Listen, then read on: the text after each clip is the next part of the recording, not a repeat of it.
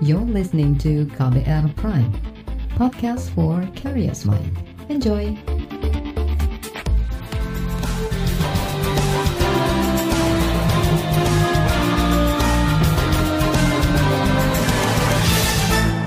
Halo selamat sore saudara, apa kabar Anda sore hari ini? Kembali saya Reski Mesanto hadir di KBR Sore, edisi 29 Maret 2022.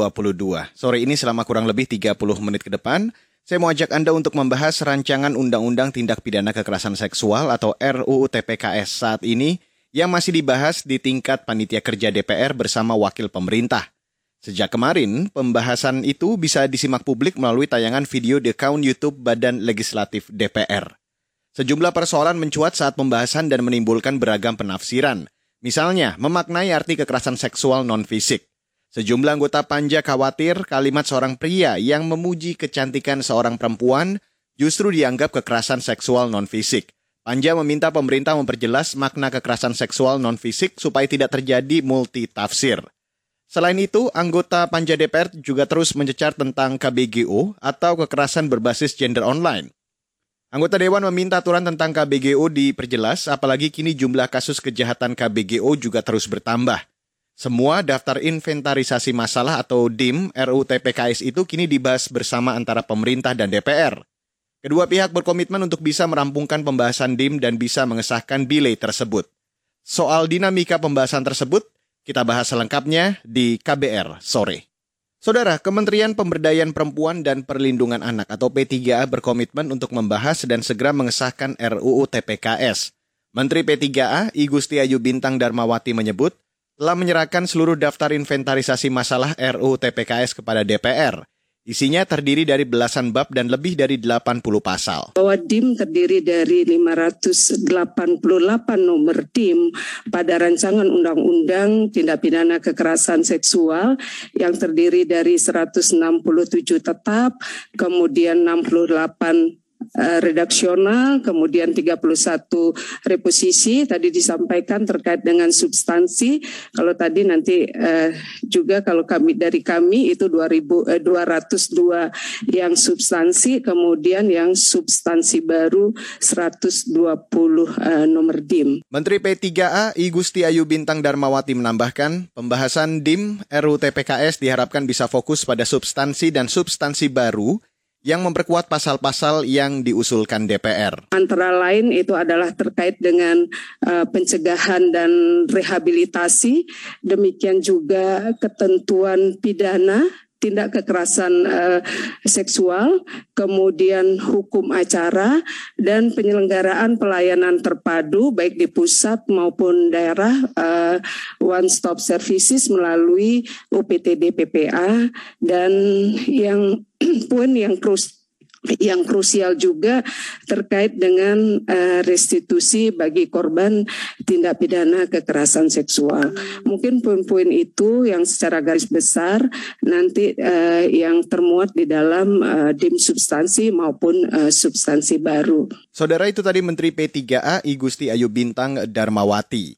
Selain Kementerian P3A, Kementerian Hukum dan HAM juga terlibat dalam pembahasan tersebut. Wakil Menteri Hukum dan HAM Edward Omar Sari Shiraj menyoroti proses hukum untuk kasus kekerasan seksual.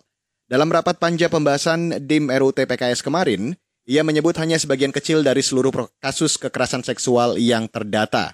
Begitu juga dengan kelanjutan kasusnya yang diproses hingga pengadilan. Undang-undang ini tidak akan tumpang tindih dengan undang-undang yang lain. Karena ketika membuat, membahas itu kita menyandingkan dengan undang-undang yang existing baik undang-undang uh, perlindungan kekerasan terhadap rumah tangga, kemudian ada uh, undang-undang perlindungan anak, ada rancangan undang-undang kitab undang-undang hukum pidana, termasuk kita melakukan sandingan dengan undang-undang pengadilan HAM. Karena di dalam undang-undang pengadilan HAM itu ada satu item yang berbicara soal penyiksaan seksual termasuk perbudakan seksual. Tetapi dalam undang-undang pengadilan HAM itu tidak memberikan definisi. Itu memang ciri dan karakteristik ketika kita melakukan apa adopsi terhadap beberapa ketentuan internasional memang kita tidak akan menjelaskan secara terperinci. Supaya tidak tumpang tindih maka kita kemudian menjelaskan. Termasuk di dalam RUU yang uh, pembahasan uh, pemerintah mengusulkan itu memperluas mengenai tindak pidana perdagangan orang Jadi ada mengenai uh, apa namanya perbudakan seksual yang itu memang unsurnya diperluas tidak sebatas apa yang ada dalam Undang-Undang Pemberantasan Tindak Pidana uh, Perdagangan Orang.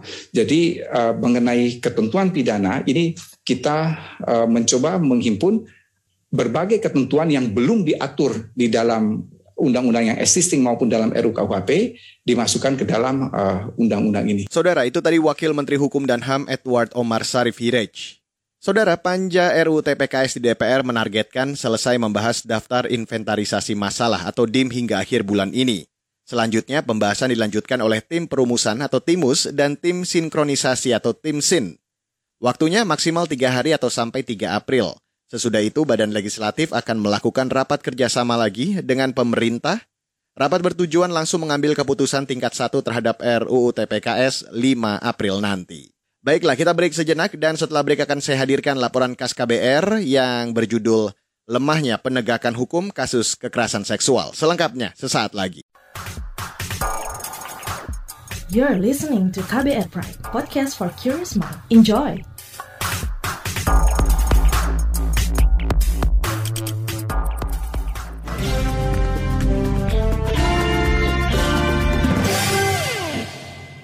Saudara, penyelesaian kasus kekerasan seksual di Indonesia selama ini dianggap masih sangat kurang berpihak pada korban.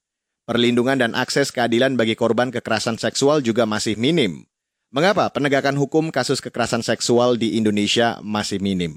Berikut saya hadirkan laporan KAS KBR yang dibacakan Aika Renata. Banyak pejabat di negeri ini yang menyuarakan agar pelaku kekerasan seksual dihukum berat dan para korban penyintas kekerasan seksual mendapat perlindungan maksimal.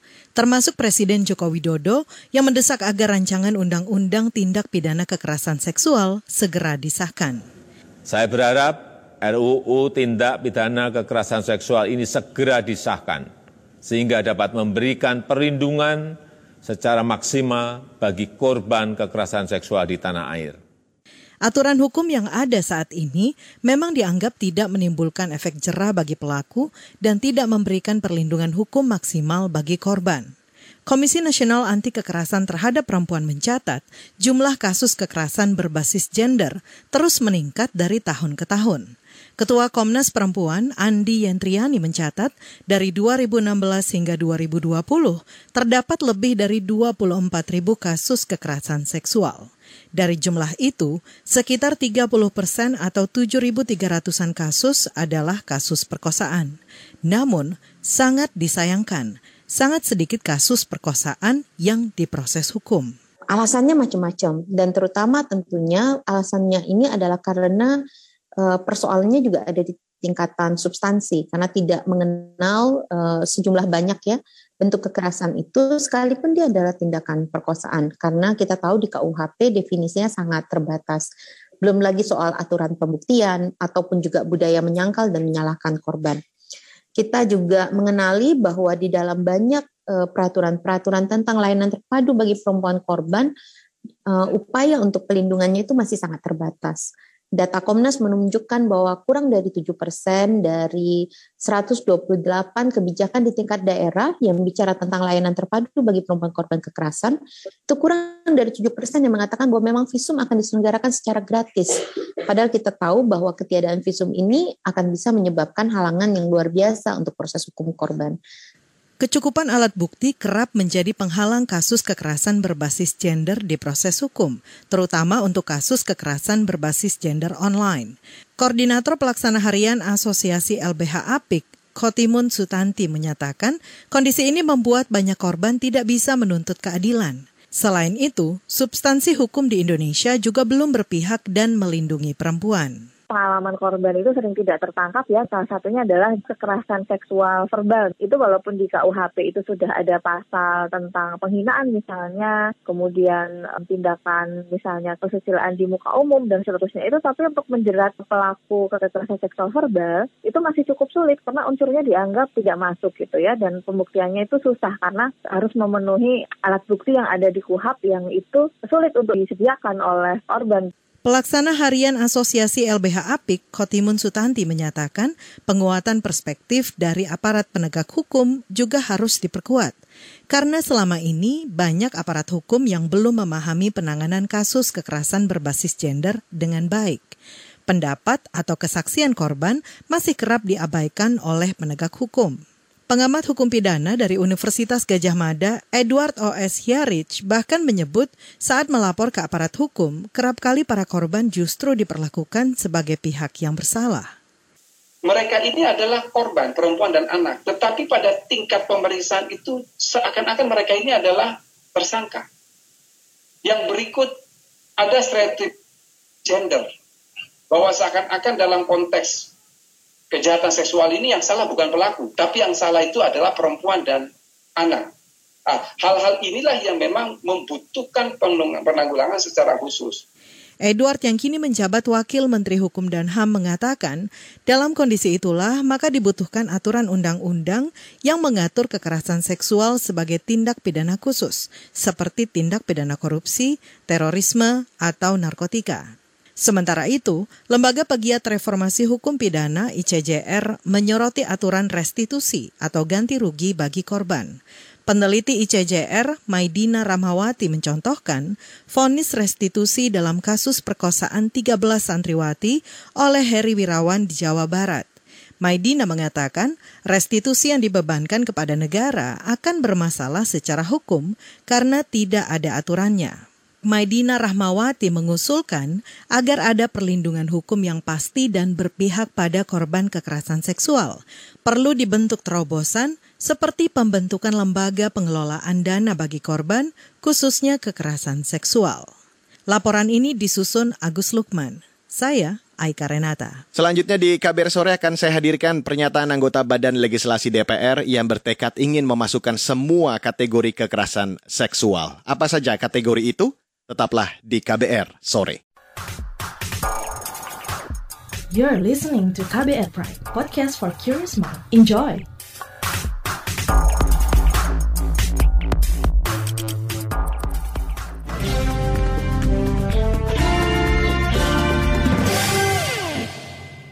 Saudara, Anggota Badan Legislasi DPR dari fraksi PDIP, Rizky Aprilia, mengklaim RUU TPKS bisa merangkum berbagai kategori kekerasan seksual yang terjadi di tengah masyarakat, termasuk mengakomodir kategori kekerasan seksual berbasis digital, selama memenuhi unsur yang diatur dalam undang-undang. Gini, um, ada dua hal yang gini, mungkin di TPKS boleh berbunyi masalah cyber ya. Oke, akan tetapi kita juga lihat undang-undang cyber gimana. Tapi kan itu bukan wacana yang harus kita bawa hari ini. Kita fokus di TPKS-nya bahwa apa pun bentuk kejahatan seksual, kejahatan e, kekerasan seksual yang memang sudah memenuhi unsur. Nah, unsur ini yang harus nanti diakomodir di dalam e, mau platformnya apa, selama unsurnya terpenuhi ini yang paling penting gitu loh untuk dilakukan penindakan kan begitu penindakan hukum tapi kan unsurnya ini yang harus secara jadi apabila terjadi agak sedikit tarik menarik lama atau apalah bahasanya gitu itu karena Uh, semua teman-teman fraksi PDI Perjuangan mendorong undang-undang ini teraplikasi bukan hanya sekedar undang-undang jadi itu aja sih gitu. Anggota Badan Legislasi DPR Rizky Aprilia berharap nantinya dengan adanya undang-undang TPKS maka para korban kekerasan seksual bisa mendapatkan perlindungan pemulihan dan bantuan serta jaminan penegakan hukum. Kita kepengennya, terutama dari fraksi PD Perjuangan lah ya, kepengennya uh, undang-undang ini teraplikasi dengan baik. Bukan hanya sekedar menjadi undang-undang gitu. Nah, mau bicara ada uh, fenomena gunung kayak atau apa pun, yang pasti standing point PD Perjuangan clear di pencegahan, uh, pemulihan ya dan juga perlindungan begitu. Dan ini supaya bisa terrealisasi dengan baik, teraplikasi sih tepatnya. Begitu. Anggota Badan Legislasi DPR, Rizky Aprilia juga menegaskan DPR bersama pemerintah berkomitmen akan segera mengesahkan Undang-Undang Tindak Pidana Kekerasan Seksual. Kemarin kan sudah di dalam paripurna sudah untuk diketuk untuk dinaikkan ke uh, tingkat berikutnya. Prinsipnya begini, ini bukan hambatan, tapi itu tadi yang saya sempat sampaikan. Ada time frame yang agak sulit untuk kita uh, ketemu gitu antara kita dan pemerintah, pemerintah ke kita karena uh, jadwal persidangan terus jadwal pemerintah. Jadi um, saya rasa tidak ada kendala sama sekali tidak ada kendala sama sekali dan kita semua bersepakat kok bahwa undang-undang ini menjadi prioritas untuk segera disahkan Insya Allah kan prosesnya jelas ya satu, dua, tiga, ya kan gitu. Karena kan kita punya tatip yang harus kita penuhi juga. Saudara, itu tadi anggota Badan Legislasi DPR dari fraksi PDIP, Rizky Aprilia. Sementara itu dalam rapat panja DPR yang membahas DIM RUU TPKS hari ini, anggota balik DPR dari fraksi Golkar, Kristiana Aryani mengingatkan agar setiap pasal yang ada jangan sampai memancing multitafsir. Kristina prihatin beberapa item di DIM RUTPKS justru memancing perdebatan akibat kebingungan masing-masing pihak, seperti memaknai arti aborsi, kekerasan seksual non-fisik, dan KBGO atau kekerasan berbasis gender online. Intinya kita ini kan level pembuat undang-undang. Kalau kitanya aja masih debatable, gimana nanti kalau udah jadi diimplementasiin? Kayak Ibu tadi sampaikan contoh aborsi, biar korporasi tidak bisa mengelak ketika ada seorang perempuan yang berdarah-darah datang minta ditolong. Kalau saya ya tolonglah perempuan itu, masa dibiarin mati gara-gara takut kena pasal? Jadi di situ aja kita udah berbeda pendapat. Itu satu hal. Lalu yang kedua pimpinan, kalau memang KBGO sudah bisa menurut Prof Edi tadi eh, apa ya terkait cover dengan pasal yang ada di sini. Justru ada pemberatan di ujung sana. Kita bedah saja, Prof. Kita tunjukkan sekarang kasus-kasus yang di luar itu nanti bisa masuk di mana. Kalau kami bisa terpuaskan dengan itu ya oke, okay. seperti itu. Saudara itu tadi anggota balik DPR dari fraksi Golkar, Kristiana Aryani. Sementara itu Komisi Nasional Anti Kekerasan Terhadap Perempuan atau Komnas Perempuan memperjuangkan dibentuknya lembaga nasional yang khusus dan independen guna mengawasi pelaksanaan Undang-Undang Tindak Pidana Kekerasan Seksual. Apa alasannya? Selengkapnya sesaat lagi. Tetaplah di KBR sore. You're listening to KBR Pride, podcast for curious mind. Enjoy.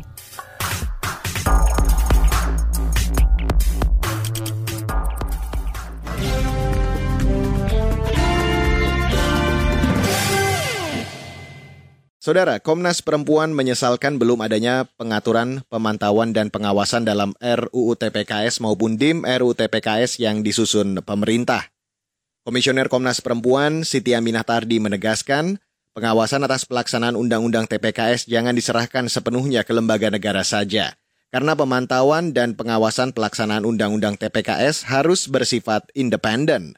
Misalnya dilakukan oleh Lembaga Nasional Hak Asasi Manusia, atau lembaga pengawas eksternal dalam sistem peradilan pidana.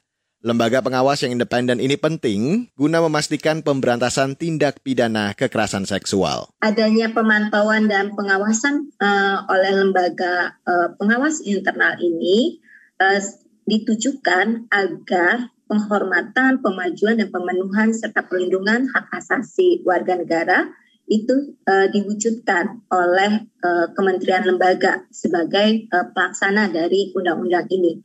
Maka uh, karena itu dibutuhkan uh, pengawasan dari luar uh, untuk memastikan undang-undang pelindung undang-undang uh, tindak pidana kekerasan seksual mulai dari uh, pencegahan sampai pemenuhan hak uh, korban itu dipastikan terpenuhi.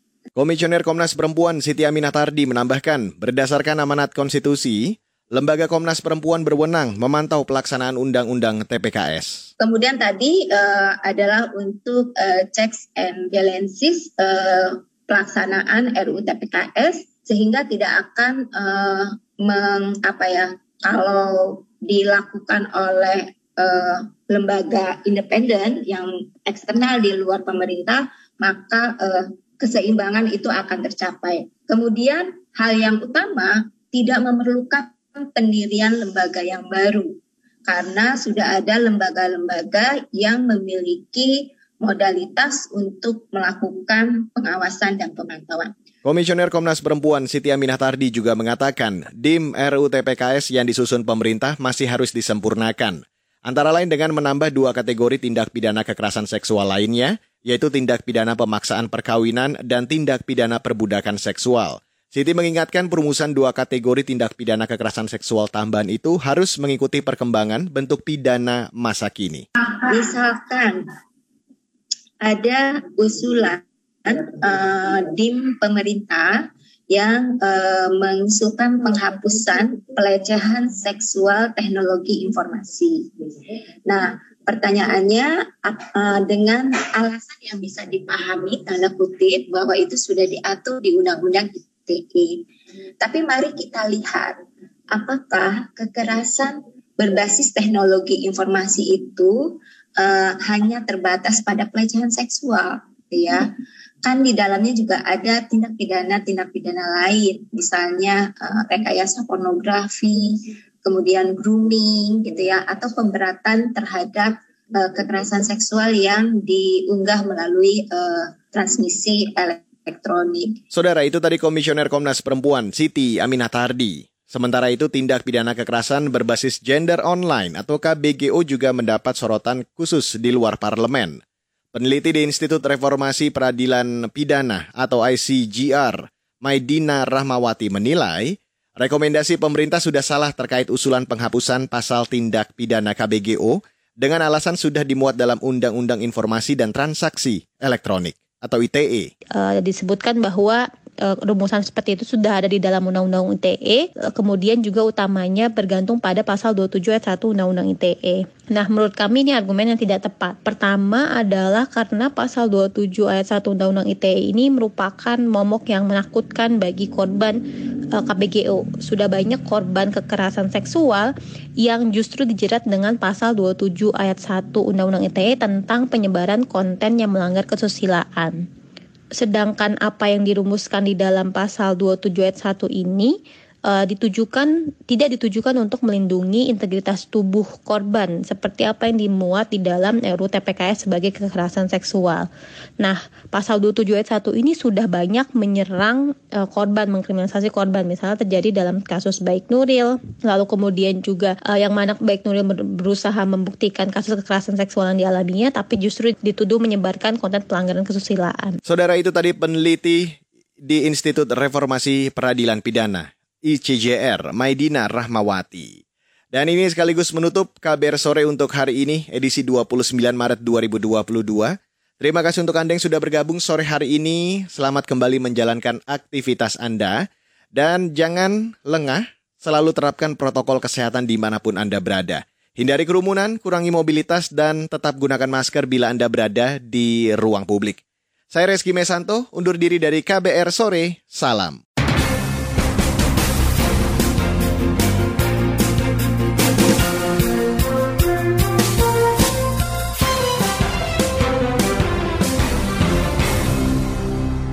KBR Prime, cara asik mendengar berita. KBR Prime, podcast for curious mind.